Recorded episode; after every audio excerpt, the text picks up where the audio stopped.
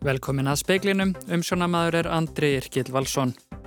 Rúsneska þingið hefur samþygt einróma að beita hernum utan landamera Rúslands. Sérfræðingur í málefnum Rúslands segir meiri líkur á stríði eftir ákvörðun Pútins. Ekki verður rund að opna hellisheiði og trengsli í dag en enn er unnið að því að losa bíla sem þar hafa setið fastir í nærri sólarhing. Bóndi á Vastarsólum í Húnavarsíslu segist aldrei hafa upplifað við líka veðurofsa og gekk yfir í nótt. Mikið tjón varð á húsum og tækjum á bænum.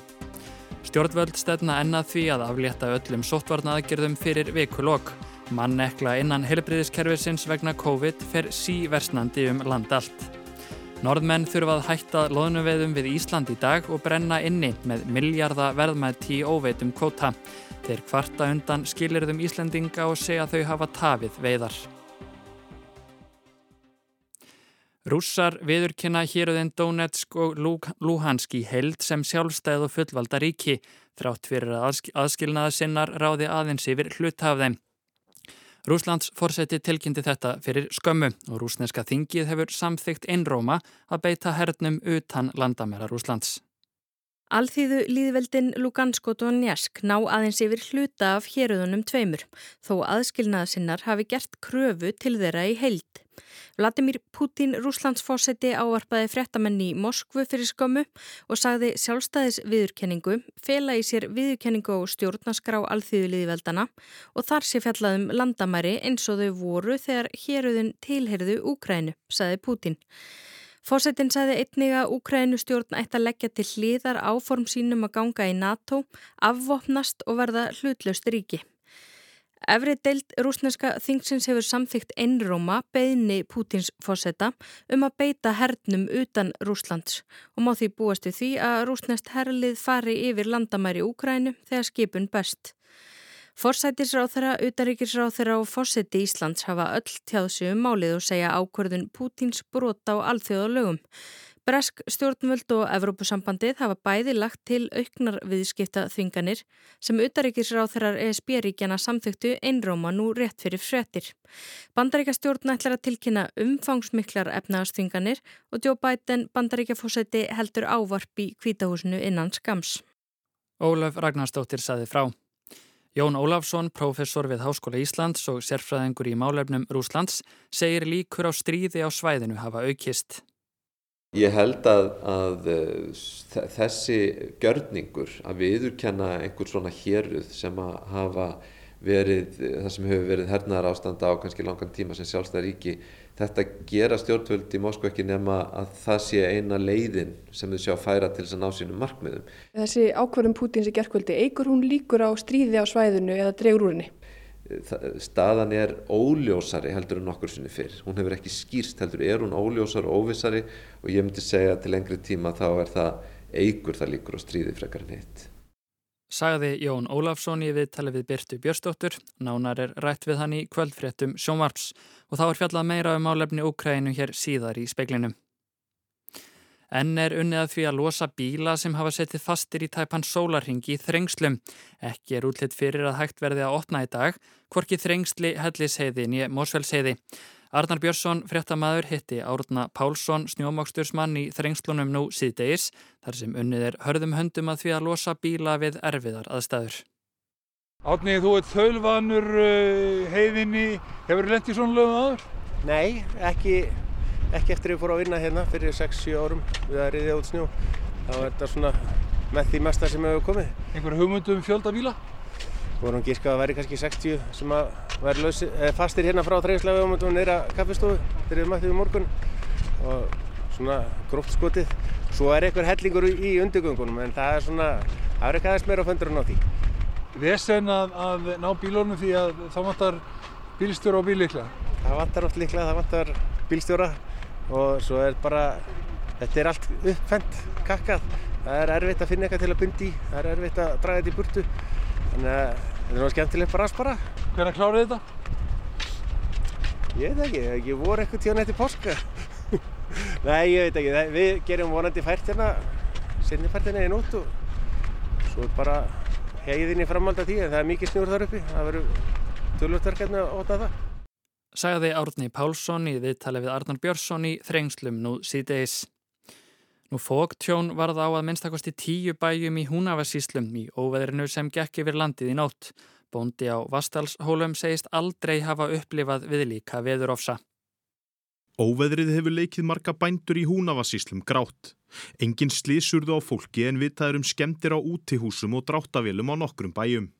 Á Vastalshólum var mikið tjón bæð á húsum og vélum.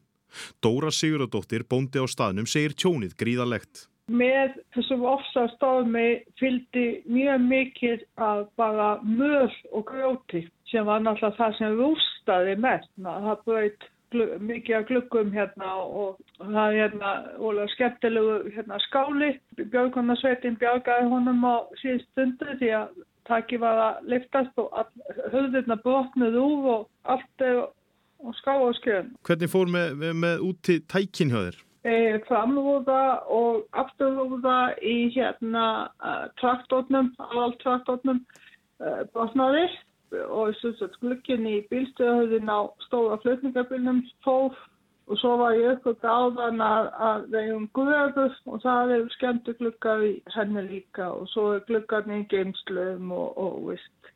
Ekki túsið slapp. Dóra segist ekki muna við líka veðurofsa á svæðinu. Ég hef aldrei lett í aðra eins. Ekki einu sinni í veðinu þarna að ég segi allt fór hérna á kaf nokkuð mánu síðan Norðurlandi. Það var vinda Norðurnatt og hún bara fæði okkur í kaf en, en við vorum aldrei veist, í þessu svona hættu eins og núna sko. Sagði Dóra Siguradóttir, Óðinsvann Óðinsson talaði við hana. Stjórnvöld stefna ennað því að aflétta öllum sóttvarna aðgjörðum fyrir vikulokk en ákverðin hefur þó ekki verið tekinn að sögn Viljums Þórs Þórssonar helbreyðis á þeirra. Við getum verið bjassin á það að þetta sé að gerast og, og ég segi allra síðasta lega á föstudagin en, en mögulega fyrr. Mögulega fyrr að, að, að öllu verið aflýtt þér innanlands? Já, að tilkynna, tilkynna um það. E, en við getum verið að horfa það að verið búið aflýttu öllu á landamærunum þá í næstu viku eitthvað?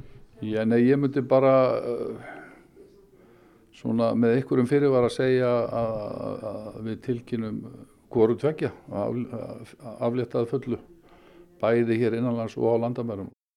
Sagði Viljum Þór Þórsson í viðtali við Valgir Örn Ragnarsson. Nú mannekla innan helbriðiskerfisins vegna COVID fer sí versnandi um land allt. Helbriðistofnun Norðurlands og sjúkrahúsið og Akureyri byðila til fólk sem að skrá sig á bakvarðalista en viðbröð hafa ekki verið mikil. Jón Helgi Björnsson, forstjóri heilbreyðistofnunar Norðurlands, segir stöðuna frekar þunga þar sem um 12% starfsfólks er í einangrun. Þetta er Vesta og Húsavík og Akureyri, sínu Vesta og Akureyri þar sem er eh, mest af smittan. En þið hafið óskað eftir fólki í bakvarasveitina, hefur það skilað einhverjum árangri? Nei, það hafa nú í rauninni ekki margir kannski komið en eitthvað þó. Mest vantar fólk til að sinna aðlýningu. Mikil tími starfsfólks helbriðstofnunarinnar fer ég að taka PCR síni sem tefur það frá öðrum störfum. Í fyrri bylgjum faraldur sinns var lítið leita til bakvarðasveitarinnar utan Reykjavíkur. Það kannski reyndist ekki þarf á því miklu mæli einfall út af því að það voru ekki margir stafsmenn sem síktust. Þannig að staðan er allt önnur núna? Já, staðan er öðru sem núna. Hún er lesta mestu með því að þessum eru við störf er að taka aukavaktir. Jón Helgi á allt eins vona á að staðan versni. Já, ég reyni held ég hafi verið bara ansi margir að smittast í gerð hérna á Norrlandi og þetta er það þá saman hlut allar okkar stafsfólki. Þannig að þetta er svona kannski vesti hlutin á kúfunni núna. Sagði Jón Helgi Björnsson, Anna Þorbjörg Jónastóttir talaði við hann. Síðari umræða um fjármálastefnu ríkisjónarinnar til ársins 2026 hofst núna á sjötta tímanum. Haraldur Benediktsson, þingmaður sjálfstæðisflokks og framsögumadur meiri hlut hans í málinu, lagði áherslu á að stemt var að, stöð, var að því að stöðva skuldaaukningu hins opembera árið 2026. Kristrún Frostadóttir, þingmaður samfélkingar og framsögumadur fyrsta minni hluta, segir lítið samræmi milli stjórnar sáttmála og þess reksturs sem bóðaður sé í fjármálastefnu. Búistur við að umræðan standi áfram á alþingi inn í kvöldið.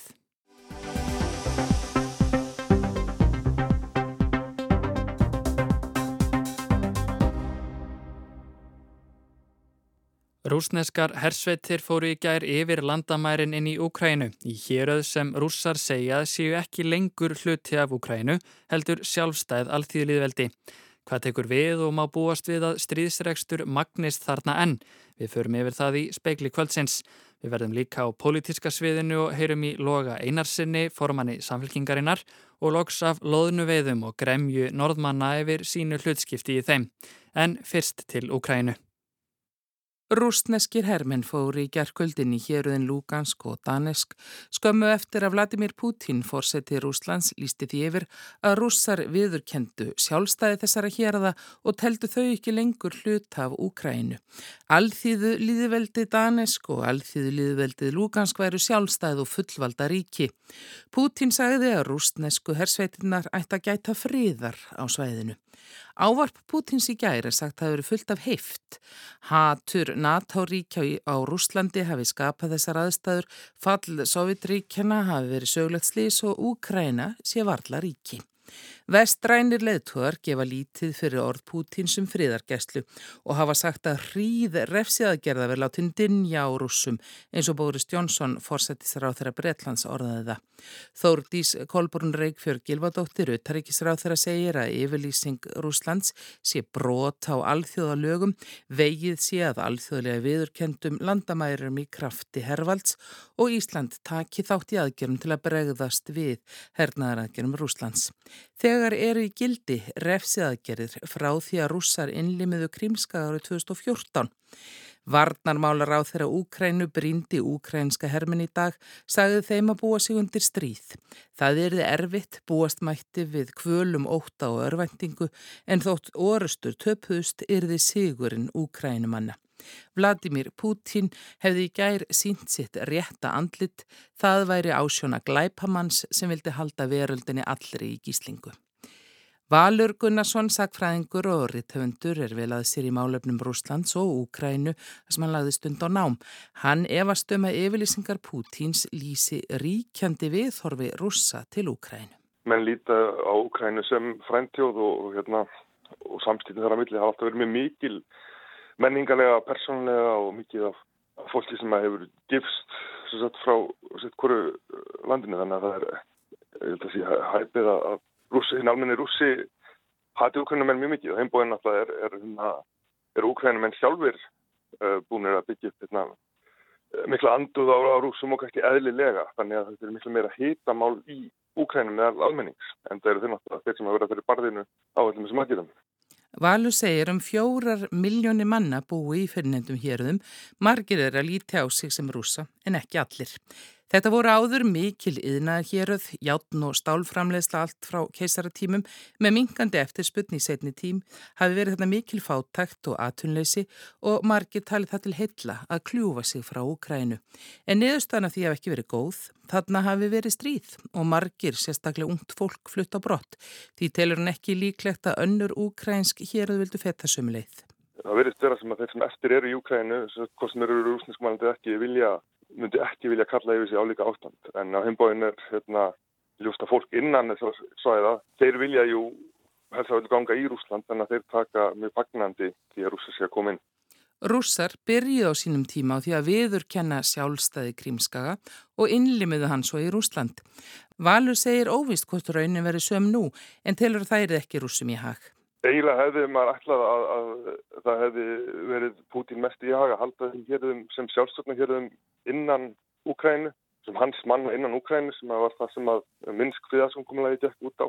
Svo það virtist bara vera í gæri eftirmiddag að hann og Macron væru fannir að, að þetta borðið en nú er endilega búið að eðalikja það friðarsamkommalag. Þannig að það stundur ekki lengur til það. Og svo spurningin er, er hvað næst, hvort það er er nefndi áfram eða hvort það verðið þarna, það dreyðir tilbaka. Það er kannski eina, eina sem Putin er að græða og sé það með því að hafa rúsneskan hér innan landamara Úkrænu er hann hérna, eiginlega að gulltryggja það að Úkræna geti aldrei gengið í NATO því það myndi því að sjálfkrafa stríð við Rúslandi ef að, ef að af því er því en, en á heimbóin þá er þetta alltaf myndið að kosta rúsa mjög mikið efnaðslega þannig að það er ekki og, og, og búið að þrengja eiginlega mjög valdkosti Putin þannig að það er auðvitað að sjá að, að rúsa hefur mikið hagað þessu til með þetta. Albert Jónsson, fyrirverandi sendiherra, telur en mögulegt að rússar fari í stærri hernaraðgerðir. Þá eru menn miklu stærri markmiðum en þessi, þessi litlu, litlu héruð í, í östur Úkrænu. Uh, Þannig að end, þessi hætta er endur staðar að mínum hand. Sko, það eina sem að Vesturland geta gert er það sem þau hafa hótað að gera. En það er augljóst, það, það verður ekki, Úkrænu verður ekki komið til hjálpar með, með herr, abla, Það er alveg skýrt. Það er ekki að stefna í stríð millir NATO og Rúslands. En um árabil hefur verið barist á þessum slóðum. Það voru harðið barndega 2014 og 2015. Síðan þá hefur þetta malla výlínan hefur ekki breyst en, en það er nokkur að deyja á hverju ári og hérna fólki sem hérðum er, er kannski líka að því heldur rúsneskur hermunni binda enda á því átök en það sem er óbúinlega að núna er að í staðin fyrir að hafa aðskilnað sinna úkrænska hermenn uh, sitt komið í výlinunar þá eru komið rúsneskir hermenn úkrænski og uh, væntanlega mun eitthvað áfram vera skotið og spurning ef rúsa fara að falla hvernig þeir muni taka því og hvort þeir taki þessum tilefni að það jafnvel bara nöðsinn á vinnar. Það eru tveir úkrænskir hermenn sem að letast í nótt og tíu sem voru sarfið svo dæmis nefn. Stjórnvöldi í Úkrænu hafa kallað eftir snöggum og skörpum viðbröðum úr vestri en eins og Albert segir er ekki líklegt að herrlið NATO komi til hjálpar. Viðskiptaþvinganir þær sem þegar eru gildi hafa komið niður á efnahag rúsa. Það taliðar hafi kostað á um 5% af þjóðaframleyslunu og dreyið nokkuð úr vinsældum Pútins fórseta þó að fátt virðist hakkonum. Valur segir ef menn talum að nú séu aðgerðnar í tveimur af tíu væri hægt að skrúfa þeir upp þó er þeir ekki botn strax. Þjóðverjar eru hættir við Nordström jargaslínuna og það er mikið högg fyrir rúsa. Næri helmingur að útflutningi þeirra er til Evrópu, allur samdráttur skadar þá, ekki sísti hann dregst á langin, en valur vonar að stríðsregsturinn magnist ekki. Eftir sem áður þá er harla hæpið að, rúsa fara að gera alls er innrást í Ukræni að leggja undir sig stór svæði. Þeir hérna Það var alltaf burði til þess, það myndi kosta á mjög mikið. Það er eitthvað sennilegra að það myndi verða eitthvað á borðið fimmtaga stríði í Georgi, þar sem að, að rúsa sprengti upp hernaðamárinski og hergögn. Myndi líklega hérna sprengja upp sem mest af þessum vopnum sem að NATO búið að senda Ukraínu. Þetta hefði þeir burði til að gera og draga sér síðan tilbaka eftir að hafa greitt Ukraínumennum högg sem að þeir áttu botna að svara. Og skafsti valgósturinn væri sá að Putin bara láti þetta gott heita og láti staða numið. Geti sagt, já ég bjargaði íbúum Donetsk og Luhansk frá þessum stjálfulegu ukrænumönum og geti þar með frá að trappa niður hérinn. Sagði Valur Gunnarsson, Anna Kristín Jónsdóttir talaði við hann.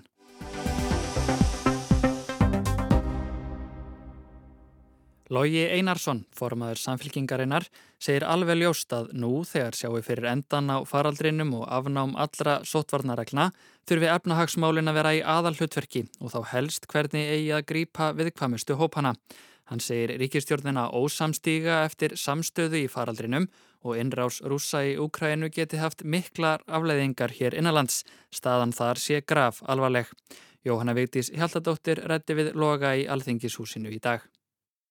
Ég, held svona í augnablikkinu verðum að taka efnaðasmálinn fyrstu tökum. Við þurfum að tryggja að fólk komist sem best út úr þessum faraldri. Við þurfum að sjá verðbólgu hækka, við þurfum að sjá vexti hækka og það þarf að grípa til efnaðasráðstafana sem að grípa viðkomistu hópana. Þetta eru sumir flokkanir í ríkistjórn sammál okkur um, aðrir ekki og það sem einkenni stjórnmál ástandið er núna að ríkistjórn og flokkanir eftir að hafa getað saminast í COVID eru núna á sikkveri leiðinni uh, og stjórnaranstaðan er saminuð. Þannig að við getum tekið bara uh, nokkur mál, er var það til dæmis uh, skattlagning og ofurhagnað sjáurútsfyrirtækja tímabundið. Það er til dæmis framsvonarflokkur með okkur í liði. Þannig að það er meira hluti fyrir því á þingi en verður að stoppa. En hver eru brínustu efnahagsaðgerðarna sem að þér finnst og ykkur í samfélkingu að þurfa að bregðast við núna? Já, við höfum talað bara skýrt fyrir því að, að það verði greipið til aðgerða sem að komi í vekk fyrir að uh, þessar vakstahækkanir hitti viðkvæmustu heimilin. Það er hægt að gera það til dæmis með tímaböndnum eða varanlegum úrbótum á vakstabótakerfinu. Steyðið þið þær tilugur sem að Lili Alfredsdóttir hefur komið með eins og til dæmis með bankaskattin? Við höfum nú ekki talið að þyrti að grípa til þess en við höfum sagt að það sé hægt að grípa til rástafuna meðal annars með því að hérna, útfæra vakstabótakerfið og svo líka að leggja þá tímabundið hagnað og ofurhagnað fyrirtækja. Hvað með húsnæðismálinn? Já, ég meina við erum búin að tala fyrir því í mörg ár að það sem er að í kerfinu er frambóðsliðin. Það þarf að byggja meira íbúðum. Það bókstaflega kindir undir verðhækkanir að vera alltaf að grýpa í á eftirspurnarliðinni. Nú hefur fósetsræður æg svörum við fyrirspurn minni í gær talað um þetta líka og hún hlýtu þó að beita sig fyrir því á ríkistundafundi að þau samþykki tillugu sem að samfélkingin mælti fyrir fyrir tveimu vikum um það að bæta við 500 íbúðum í almenna íbúðakerfið. Vistu líklegt að það verði gert? Já, ég er auðvitað alltaf svona temmilega bjart síðan á mannskeppnuna en hins vegar eftir að vera búin að vera hér í nokkur ár þá áttaði mig á því að þetta fer stundum í einhverja skottgrafur og výlínur sem eru ekki þjóðinu til heilla. Lója Einarsson formaður samfélkingarinnar er jafnframt annar varaformaður utaríkismála nefndar alþingis en síðdeis á morgun verður haldin aukafundur í nefndinni að beðinni loga en þá verður utaríkisráð þeirra nýkomin til landsins. Tilefnið er að sjálfsögðu innrás rúsa í Ukrænu og ástandi þar. Ég baði auðvitað um fund eins fljótt og verða mátti. Það eru vonbriðan verður bara morgun en, en ok, það breytir auðvitað ekki atbyrður á sinna austu frá. Hún er graf alvarleg og uh, vina þjóður okkar NATO, Európaþjóðir, Bandaríkin þurfa að stíga miklu fasta til jarðar og gefa það bara skýrt í skinn gagvart rússum sem er að brjóta alþjóðalög hvað þetta þýðir. Mér finnst þessar þjóðir hafi verið aðeins of veikar og óljósar í sínum yfirlýsingum og þetta er bara næstu því eins og horfa á skák. Það er verið að leika leiki fram og aftur uh, og, og hérna, það gengur auðvitað ekki. Þetta mun hafa áhrif á allan heiminn, þetta mun hafa áhrif á öryggs og varnamál í okkar heimsluta, þetta mun líka hafa áhrif á pólitíkina hér. Þetta mun hækka oljuverð, neysluvörur sem kynntur undir verðbólgu, þetta mun kalla á kröfu um varanlegri viðveru hernar hérna, tækja hér á Íslandi og varna liðsjapel og þá getur nú rétt uh, ímyndaðir hvað áhrif það hefur á þessa ríkistjórn eins og hún er samansett sagði Lógi Einarsson, Jóhanna Vigdís Hjaltadóttir talaði við hana. Við.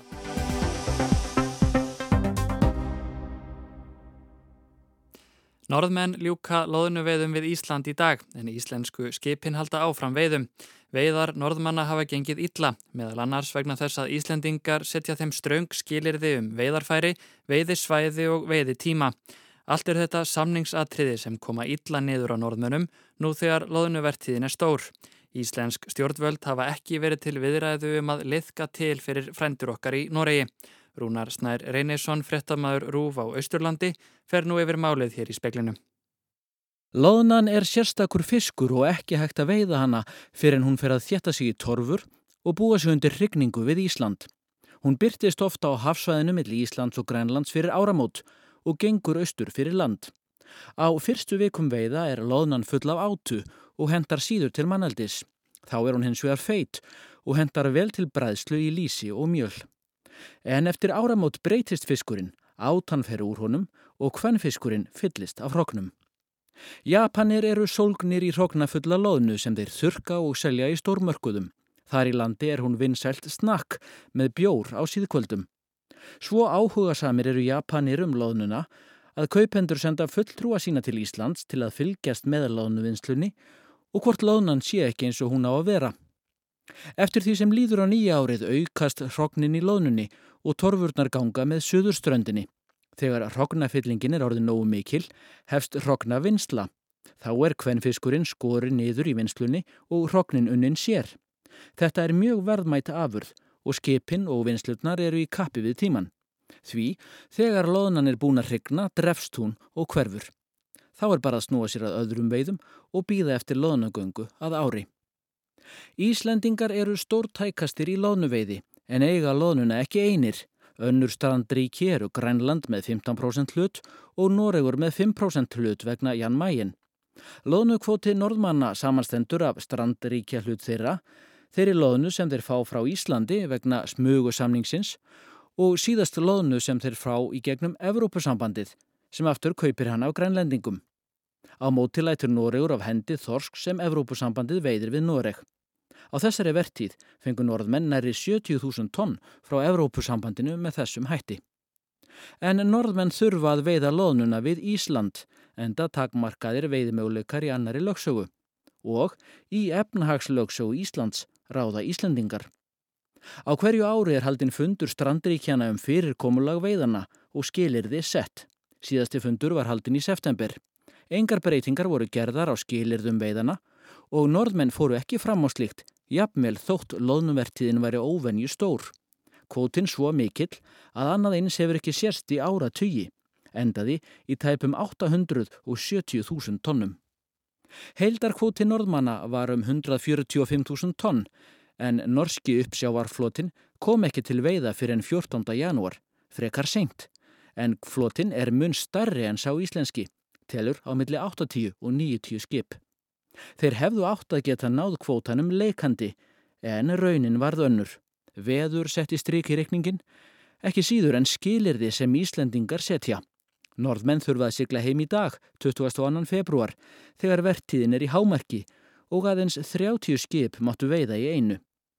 Þegar stemdi í að norðmenn myndu verða af miljardaverðmæti í óveitum loðnukvota, ámálguðu þeir tilslakanir, en íslensk stjórnmöld sjóðu þvert nei, skilirðum erði ekki breytt á miðju veiðtímabili. Norskir útgerðamenn urðu æfir yfir viðbröðum Íslendinga þegar ljóst varða þeir myndu brenna inni með stóran hluta kvótans. Þeir kölluðu eftir því að við líka hömlur eruðu settar á þorskveiðar Íslendinga í Barentsafi. Kristján Freyr Helgason er samningamaður Íslands í þessum málum. Kristján bendir á að loðna sé hluti af öllu samtali um deilistofna á milli Íslendinga og norðmanna.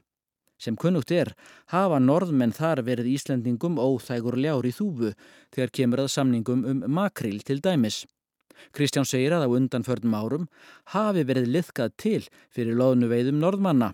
Ekki sé langt síðan aðeins 25 skip máttu veiða en nú eru þau 30. Einu sinni hafi norðmenn þurft að hætta 15. februar, nú megi þeir veiða viku lengur.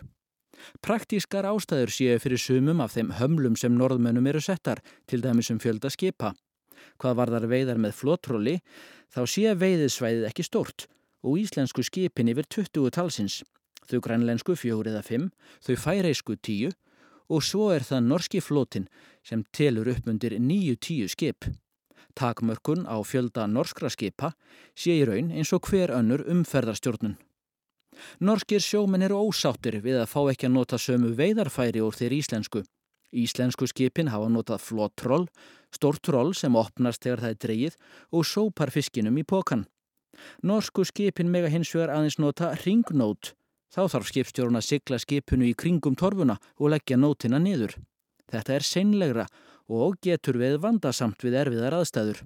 Um helgina þurfti varskipið Freyja að aðstóða eitt af norsku loðnuskipunum þegar það hafði fengið nótina í skrúfuna og tók skipið í tók til Eskifjörðar. Og svo er það veiði svæðið. Norsku bátarnir mega ekki sigla suðu fyrir línu sem markast út frá áltafyrði. Þetta veldur því að þeir geta ekki elda loðnuna þegar hún gengur suður fyrir land. Norsku skipin sitja til först á svæði úti fyrir austfjörðum og þurfa að kroppa í það sem eftir er. Missa af bestu loðnunni sem er komin með meiri hrognafyllingu. Kristján Freyr, samningamæður Íslands, segir að þetta séu aðeins samningsatriði. Ástand og hegðun á loðnunni hafi líka komið á óvart á þessari vertíð. Hún hafi staðið mjög djúft og verið dreifðari og það sé að hluta til skýring á hversu erfitt var að veiða hana í ringnót. Hann bendir á að ekki sé hægt að kenna skilirðum Íslendinga alfarið um hver norðmönnum hafi gengið ítla að ná sínum kvota. Norðmenn sjálfur setji hvaðir á eigin skip. Til dæmis þurfa þau að landa í Noregi ef þau fá abla sem er yfir 300 tonnum. Norskir sjómen hafa sjálfur gaggrínt þetta og segjast tilneittir að landa smá slöttum á Íslandi frekar en að horfa á hagnaðin brenna upp á langri siglingu með ablan til Noregs. Norsku skipin hafa mátt landa meira en 300 tonnum ef þau fá hátt verð á uppbóði eða vegna veðurs. En refsingin er þá þryggja daga byð eftir því að komast aftur í byðröðina til veiða, skilirði sem norðmenn ákveða sjálfur. Rúnar Snær Reynisson saði frá. Veðurhorfur, minkandi suðvestanátt 5-13 metrar á sekundu í kvöld. Stöku jél en þurft að kalla norðaustan og austanlands. Hæg suðlagátt og snjókoma sunnan til sent í kvöld og nótt. Gengur í norðaustan 15-23 með snjókomu eða jæljum á morgun, fyrst á vestfjörðum, en hægara og bjart með köplum sunnan heiða. Frost 0-7 stig minnst við sjáarsíðuna. Fleira er, e, fleira er ekki í speiklinum í kvöld. Tæknum aður var Jón Þór Helgason. Veriði sæl.